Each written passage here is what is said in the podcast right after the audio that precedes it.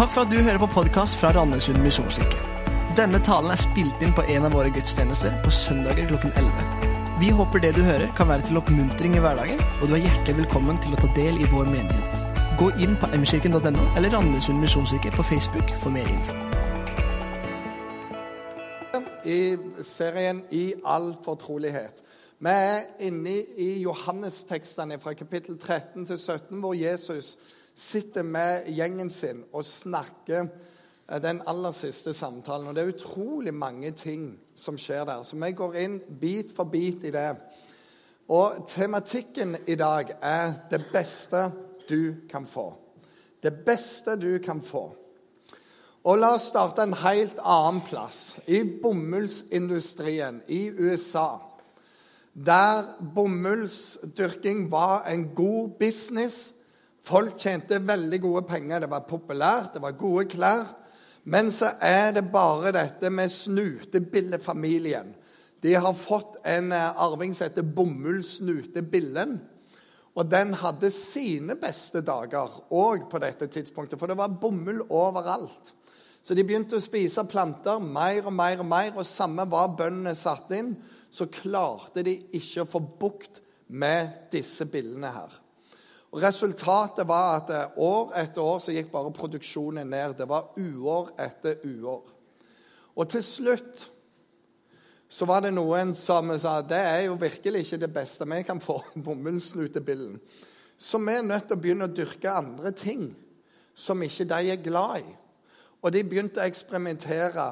Peanøttproduksjon kom, andre typer produksjon. Og etter hvert så fant de der, med jordsmonnet, med temperaturene som er her, og i forhold til bomullsnutebillen. Og så begynte de å få en helt annen produksjon, en mye mer brei produksjon av ting. Og de begynte å tjene penger som aldri før. I Enterprise, byen Enterprise i Alabama når denne epidemien var over, alt eh, var lagt over på nye ting, så fant de ut vi er nødt å sette opp en statue for å feire denne nye friheten vi har fått, denne nye rikdommen. Vi var på vei inn i fattigdom, men vi klarte å snu det. Og det var denne statuen her de satte opp. Og på toppen der så holder denne dama nettopp en bomullsnutebille. Og folk var veldig sånn Hvorfor lager dere et monument av det som ødela alt? Og så svarer de bare nei, det er ikke for å minne oss på hva som ødela, det er for å minne oss hva som fikk oss til å endelig endre alt til noe bedre. Hadde det ikke vært for det, så hadde ikke vi hatt det så bra som vi har det nå. Og det vil vi minne oss om det står i, i, Bibelen noe om ørner. Vi skal løfte våre vinger som ørner, vi skal fly. Og det å være født ørn, det er jo en hyggelig ting. For du er liksom bare kongen i lufta. Du svever på oppdrift av alt. Men når du er da en liten ørnunge på noen av disse sortene her, og i dag har jeg bare tatt noen fine bilder med, så eh, er det sånn at du bor oppe høyt, høyt, høyt oppe på en klippe. Og der har du det bra. Eh, foreldrene har lagd et reir, og de putter ting inni der. Og det er så komfortabelt. Det er så utrolig godt å være der. Og du ser liksom bare de svever over der, og der kommer matrasjonene inn til deg. Det er helt fantastisk. Barna bor i huset, foreldrene gjør alt.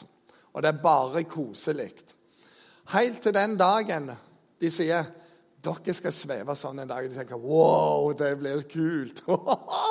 vi skal være kongen over alle. Vi skal sveve der. Og så sier jeg, og dere skal lære det. OK. Og så skjer det jo det som skjer. Foreldre går bak, og så dytter de med nebbet til kanten og sier 'Hva du holder på med?' 'Du skal lære å fly.' 'Ja, hva da?' Og så boom! Så er de utfor. Og det er ikke det beste du kan få. Føles ikke sånn.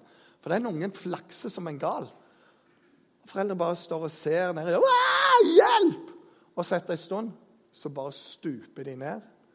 Og rett før du tror du virkelig kommer til å dø, og verdens verste foreldre, så kommer de, tar deg opp og løfter deg. Og du har bare sånn Wow, jeg overlevde den! Men aldri mer. Og mine foreldre er veldig onde. Neste dag I dag skal du lære å fly. Boom! Og så bare Wow! Og akkurat det samme om igjen. Tar opp, og du bare har dette forholdet. 'Jeg har det godt her. Det er komfortabelt rundt. Hvorfor må du ødelegge?' Du skal lære å fly. 'Jeg har ikke lyst til å lære å fly. Jeg er ferdig med alt det der. Jeg har ikke talentet, jeg har ikke evnene. La meg være i fred, og kom med all god mat til meg.' Boom! Så er du ute igjen. Og sånn. Og når du bare har det intense, ikke gode forholdet til foreldrene dine, plutselig så Wow! Og så bare flyr du, og så kjenner du oppdriften og så Wow, jeg er enorm. Jeg bare flyr der oppe. Det beste du kan få. Men det er en liten smerte før. Sånn nesten holder på å dø. Dette er et par ravner. Kjent historie i Bibelen handler om Elia, som bare presenterer seg. Og så går han til en konge og sier at det kommer ikke til å regne mer her før jeg sier fra. Og så bare slutter det. Og i tre og et halvt år så regner det ikke. Og Gud sier til denne profeten nå må du gjemme deg. Og så gir han henne en plass å være. Og han tenker dette er det beste jeg kan få. For der er det ei elv som renner forbi, så han kan drikke. Og så kommer ravner med mat her hver eneste dag. Og dette er så bra. Det er bare et lite problem når du har profetert at det ikke skal regne, og det faktisk ikke regner. Det er at eh, det skjer med elva. Og da til slutt så kan du ikke drikke mer. Jeg bare la inn det bildet, selv om jeg tror ikke det var akkurat de dyra der. Det var bare veldig kult. Det er brakt inn for anledningen. Men eh, saken er det samme. Når det er ikke noe vann, så kan du ikke være der. Og han kjente det er ikke det beste jeg kan få, Gud. Hvor er din beskyttelse? Hvor er din godhet? Og Gud sier nå må du bare dra av gårde dit jeg sender deg. Det var en periode han skulle ha det godt og bare være der i nærheten. Men det beste for han nå var å reise videre. Og der begynner den virkelige historien om Elia. Om hvordan han redder livet til folk, hvordan han lever bare et enormt liv med Herren. Og det kunne ikke han ha levd i den dalen der, hvor Gud bare sørger for han. Min venn Jesus, han er god. Så sier, aha, jeg er din herre òg. Og så sender han av gårde. Jeg er nødt til å ta med dette her. For dette er mitt elsk-hat-forhold. Apple-produkter. De er sånn at alt er et lukket system. Og det beste for oss har de bestemt alltid. Jeg får aldri lov å bestemme det beste for meg. Det beste for meg er at jeg må oppdatere den, og plutselig er alt forandra på skjermen. Kjenner ingenting igjen. Det beste for meg er når jeg kjøper et nytt produkt, så er det ingen plass å stappe plugget inn i, for det skal de ikke ha lenger.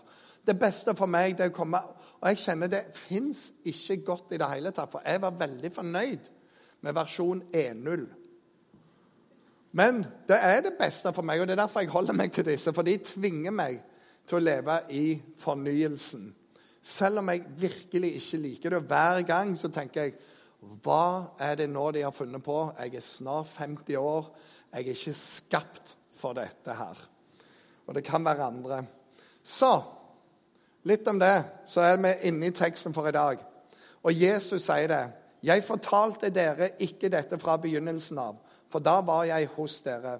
Nå går jeg til ham som har sendt meg, men ingen av dere spør, hvor går du? For sorg har fylt hjertene deres fordi jeg har sagt dere det. Men jeg sier dere sannheten. Så kommer det. Det er det beste for dere at jeg går bort. For dersom jeg ikke går bort, kommer ikke talsmannen talsmannen er Den hellige ånd til dere. Men går jeg bort, kan jeg sende ham til dere. Og når han kommer, skal han gå i rette med verden og vise dem hva synd er, hva rettferdighet er, og hva dom er. Synden er at de ikke tror på meg. Rettferdigheten er at jeg går til Far, og dere ser meg ikke lenger. Dommen er at denne verdens fyrste er dømt. Amen. Det er det beste for dere at jeg går bort. Og de tenkte det er det ikke Jesus. Du har tatt rett i så mange ting, men her bommer du helt fullstendig. For vi har akkurat skrevet en ny lovsang her, og den går sånn Tett ved sida mi går Jesus, alltid vil han være der. Nei, det vil han ikke. Han går bort, han sender en annen istedenfor. Og så, OK, ny sang. Dette er veldig vanskelig. Men her er noe av dette. Når du kommer i de situasjonene, for du kommer til de situasjonene i livet der du tenker dette er ikke det beste, jeg liker ikke framtidsutsiktene. Og det kan være mange ting. Av og til for oss er det jobben som forsvinner. tenker hva nå? Jeg ville være der. Jobben i en annen by. Og for sørlendinger det er det verste å måtte flytte fra det lovede land, Kristiansand. Og så kan det være veldig mange ting. Men vi trenger å lære å stille spørsmålet Hva nå, Gud? Hva er det du holder på med? Hjelp meg å se det du ser. Hvor går du? Hvor vil du at jeg skal gå? Jostein Nilsen, som er i Frelsesarmeen, en av offiserene, ble stilt spørsmål av, Arel, nei, av Egil Svartdal.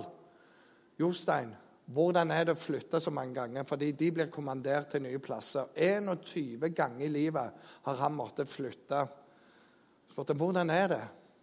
Og så sier Egil jeg skjønte jo fort at det var feil spørsmål. For Jostein svarer bare jeg har ikke blitt plassert én plass hvor Jesus ikke kunne bruke meg. Og det har noe med innstilling å gjøre her. Det er det beste for dere. Og når du virkelig føler dette ikke er det beste, så tenker Jesus sier til vennene sine det er det beste. For hvis ikke jeg går bort, så kan vi ikke få lov å fortsette det som skal skje. Hadde ikke elva tørka bort, så hadde ikke Elia kunnet gått. Og vi hadde fått Sareptas krukkehistorien og fått mange av de andre historiene. Det er det beste. Så lær å, å snakke med Jesus om det. Undre deg sammen. Hva gjør du nå, Jesus? Hva er det som ligger foran? Hjelp meg å se hva du ser. Det står helt i begynnelsen jeg fortalte dere ikke dette fra begynnelsen av. Og når jeg holdt på å jobbe med teksten, så er det noe her med Jesus. Dette er Jesus sin omsorg. Og jeg har vurdert, eh, eller tenkt veldig mye på det. Timing er alt. Og Jesus har en timing i det han sier. Timing er noe vi òg trenger å lære oss. Jeg har mer enn én en gang hørt folk si Jeg er utrolig sint og jeg er egentlig sint for hva som har skjedd med meg, men det som jeg er mest sint på, det er måten det kom til meg på. Måten jeg fikk den beskjeden på. Det gjør meg så rasende. Det var så mange andre måter de kunne gjort det på. Alt det gode er bare vekke. Jeg fortalte dere ikke det fra begynnelsen av. Jeg heter Carly Fiorina. Hun leda et av verdens største selskap. Hun måtte si opp 3000-4000 arbeidere.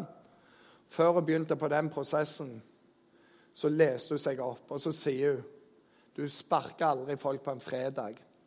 For hvis du gjør det sånn rett før de går for helga by the way, du har ikke jobb, så god helg, så har du ei hel helg å gruble på ting på helt feil måte. Så sier jeg når du må si opp folk, så må du ha en prosess og så gir du de dårlige nyhetene i begynnelsen av uka.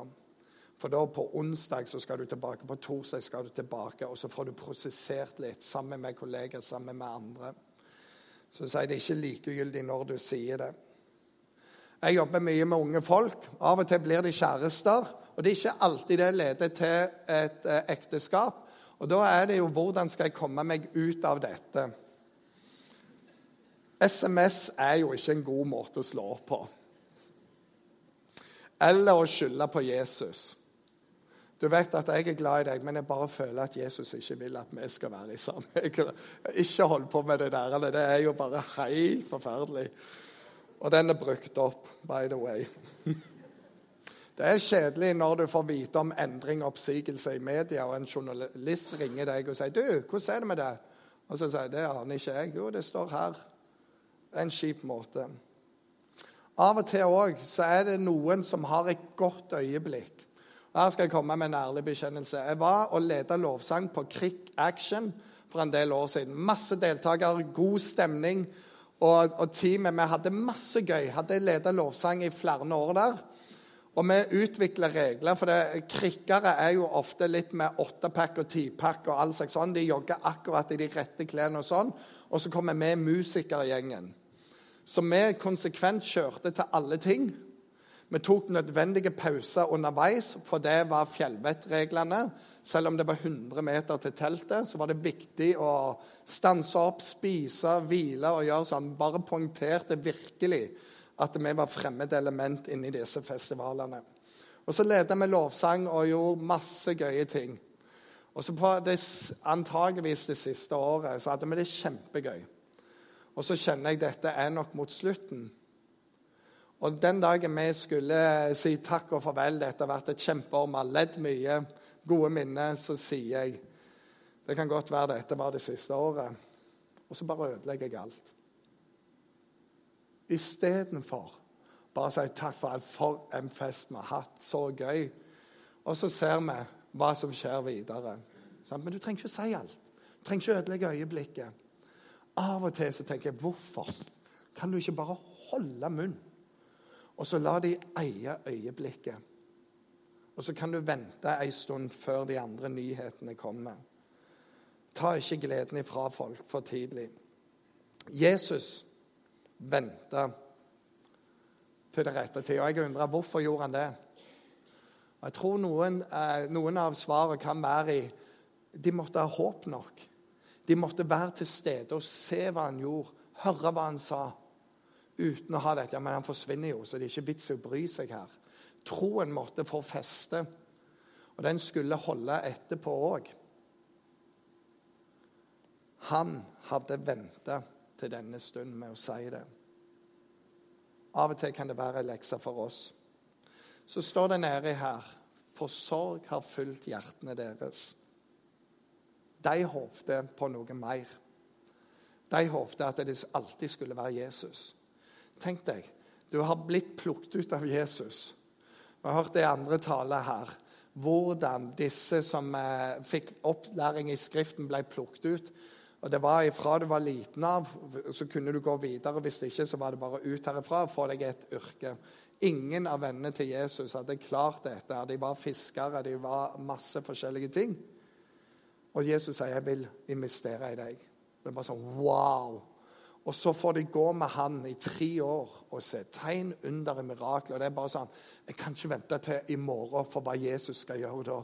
Han har gått på vannet, han har eh, metta 5000, han har metta 4000. Når folk har kommet med veldig vanskelige spørsmål, vi aner ingenting og bare holder munnen og ser på han, så bare tryller han fram noen ord som er magiske. Og så nå så er alt vårt håp det er borte. For de tenkte kanskje han skal være her til vi gamle. Vi skal få bare være med Jesus hele, hele livet. Og denne sorgen går inn. Det kommer ikke til å være sånn. Det kommer ikke til å være sånn. Du har blitt med i noe, du har fått en jobb, men sjefen skal slutte. Treneren sier opp. Det kommer forandringer. Sorgen fyller hjertet. Har ei venninne i eh, USA som hadde en toppjobb i en menighet. De vokste og vokste. Og Hun er bare helt utrolig. Hun kommer til Vekstakademiet, som skal være på Ansgar i slutten av juni. Fantastisk dyktig lærer. Men hun kom til det punktet hun sa jeg er som et stort tre som bare kaster skygge over de andre nå. Og det er så mange dyktige folk rundt meg at jeg er nødt å slutte, sånn at de kan få vokse mer. For nå står min skygge over deg. Og når hun sa opp, så var ingen særlig happy. For hun var bare fantastisk. Når vi ser nå noen år etterpå, så pekte hun ut spesielt fem. Alle de fem er i nøkkelrolle. Alle de fem er helt utrolige. Det så hun, men det så ikke de andre. Så hennes ene tjeneste ble femdobla fordi hun tredde til sides. Men det er vanskelig å se når sorgen fyller hjertet. Og så er det noe i denne teksten også som sier noe om Jesus. Han visste om deres sorg. Og han vet om din sorg, og han vet om min sorg. Jesus ser det, og han gir navn til det. Og Han viser sin genuine kjærlighet og sin omsorg i dette. Han timer det. Beskjeden kommer der han må. Og så sier han noe mer, for han snakker profetisk inn dette med synden, med rettferdigheten, med dommen. Og det har ikke skjedd ennå, men det kommer til å skje. Og han vet i denne fasen så er det enormt viktig hva jeg sier, og hva jeg ikke sier. For seinere så fatter disiplene håp, men de må gjennom noe. Så i sorgen så er han der. Han gir retning. Han vet de må gjennom følelsene, men på den andre sida så er det noe mer liv. Og han gjør det utrolig bra. Så står det at han skal gå i rette med verden, vise hva synd er, hva rettferdighet er, hva dom er. Synden er at de ikke tror på meg. Og det er noe med vår folkelig ja, Hva skal vi kalle det? Folkereligion. Bare jeg har gjort mer godt enn jeg har vondt, så må jo jeg komme til en eller annen himmel. Det er vel likegyldig hva vi tror på, bare vi tror på noe. Så Jesus, det er ikke sånn. Ja, men jeg er bedre enn deg. Ja, men det er ikke sånn. Ja, men hvis du har hatt et vanskelig liv, da må du jo få det bra i evigheten. Men det er ikke sånn det er. Men kan ikke alle finne sin egen himmel? Men det er ikke sånn det er. Synden er at de ikke tror på meg. Det fins uendelig mange veier til Jesus, men Jesus er den eneste veien til Gud. Han sier 'jeg er veien, sannheten og livet' i denne samtalen òg. Han er den eneste veien til Gud. Men det fins mange veier inn til Jesus, og han tar imot alle. Men det er det som er Det er å ta imot Jesus. Det er det som får oss opp til himmelen. Og det eneste som står i veien for det, det er vår egen vilje. For Jesus har gjort alt. Lagt alt ferdig til å bare ta imot. Det er en gave som ligger ferdig, og vi velger hva vi gjør med den. Synden er at de ikke tror på meg. For i himmelen så er det det som avgjør. Har du tatt imot Jesus? For to spørsmål. Hva gjorde du med Jesus, og hva gjorde du med de talentene jeg ga deg? Så sier synd at de ikke tror på meg. Og her er du, hvis du, hvis du strever med troen, hvis du strever med livet Det handler ikke om hva du har gjort. Det handler om å ta imot. For det er ferdig. Hver gang vi feirer nattverd, så er det for meg fantastisk, fordi jeg får stille meg fram. Og så kan jeg tenke inni meg så får jeg lov å være din Jesus. Ikke pga. meg sjøl, men bare pga. deg. For du sa alt er ferdig. Kom. Hele evangeliet rommes i det ordet der. Kom. Rettferdigheten, det går til far. Jesus var 100% menneske, samtidig 100% Gud. Han var her, levde sånn som oss, men uten synd. Og rettferdigheten er at han går opp himmelen. Samtidig tok han all vår synd på seg, så vi skulle kunne komme til Gud. Og dommen er at denne verdens første er dømt. Det står noen fantastiske bibelvers om dette. Død, hvor er din brodd? Og død, hvor er din seier? Kristus vant, og døden kunne ikke holde ham. Og så står det han avvæpna makten og myndigheten når han stilte dem fram eh, til spott og spe når han triumferte over det, de på korset. Han avvæpna de. Så dommen at denne verdens første dømt. Gud har vunnet med på seierslaget. Og sammen med han så går vi til himmelen. Og hele denne samtalen og hele dette avsnittet det ligger i en utrolig følelsesladet kontekst. Jesus i kapittelet før har fortalt dem litt om framover, og de blir bare bedrøvet. Sitter og har det måltidet, og så er det bare OK, her kom de nyhetene igjen. Sorg har fylt hjertene. Og så Den ene tingen jeg vil vi virkelig skal ta med fra denne talen, er det det er best for dere at jeg går bort. Det er best for dere. At du kan ta det med deg og inn i situasjoner. Bare husk at Jesus sa det er best for deg. Og lære å stille dette spørsmålet. Hva nå, Gud? Hva gjør du? Hva tenker du om dette? For mine tanker de er ikke de beste akkurat nå. Men hvis dette er det beste, så hjelp meg å se det. For jeg hadde det veldig godt. Ørnungen hadde det godt oppe i reiret, men han var skapt for noe mer. Elia hadde det godt der med ravnene sine, men Gud hadde mye mer for ham. Men da måtte han bevege seg til en helt annen plass. Og Gud har det beste foran oss. Vi må våge å si 'Hva nå, Gud?' Skje din vilje. La ditt rike komme i mitt liv, gjennom meg. Så skal vi be sammen. Herre Jesus, jeg takker deg for det. At det er det beste vi kan få. Det er deg. Så takker jeg deg for at eh, samtidig så sier du du måtte gå bort. Fordi du skulle sende Den hellige ånd, talsmannen. For han kan bo inni oss, hver enkelt av oss. Og så peker han på deg likevel. Og så ser du de av oss som er, må være fullt av sorg nå. Takker deg for denne teksten òg viser at du ser vår sorg, du adresserer det. Og så er du der med din omtanke, med din kjærlighet. Og Jeg takker deg for at du vet hva som er best for oss. Selv når vi tror du har tatt feil, selv når vi syns vi har det absolutt best nå, og vi ikke ønsker den smerten det er å flytte herifra til der vi skal etterpå, så ber jeg om at du må hjelpe oss å være villig til å gå i det. Fordi du er med oss. Det står din kjepp og din stav trøster oss. Og du leder oss. Hjelp oss, og la oss lede av deg, Herre. Og hjelp oss å bare være i dette. Det er det beste for deg, at jeg går bort.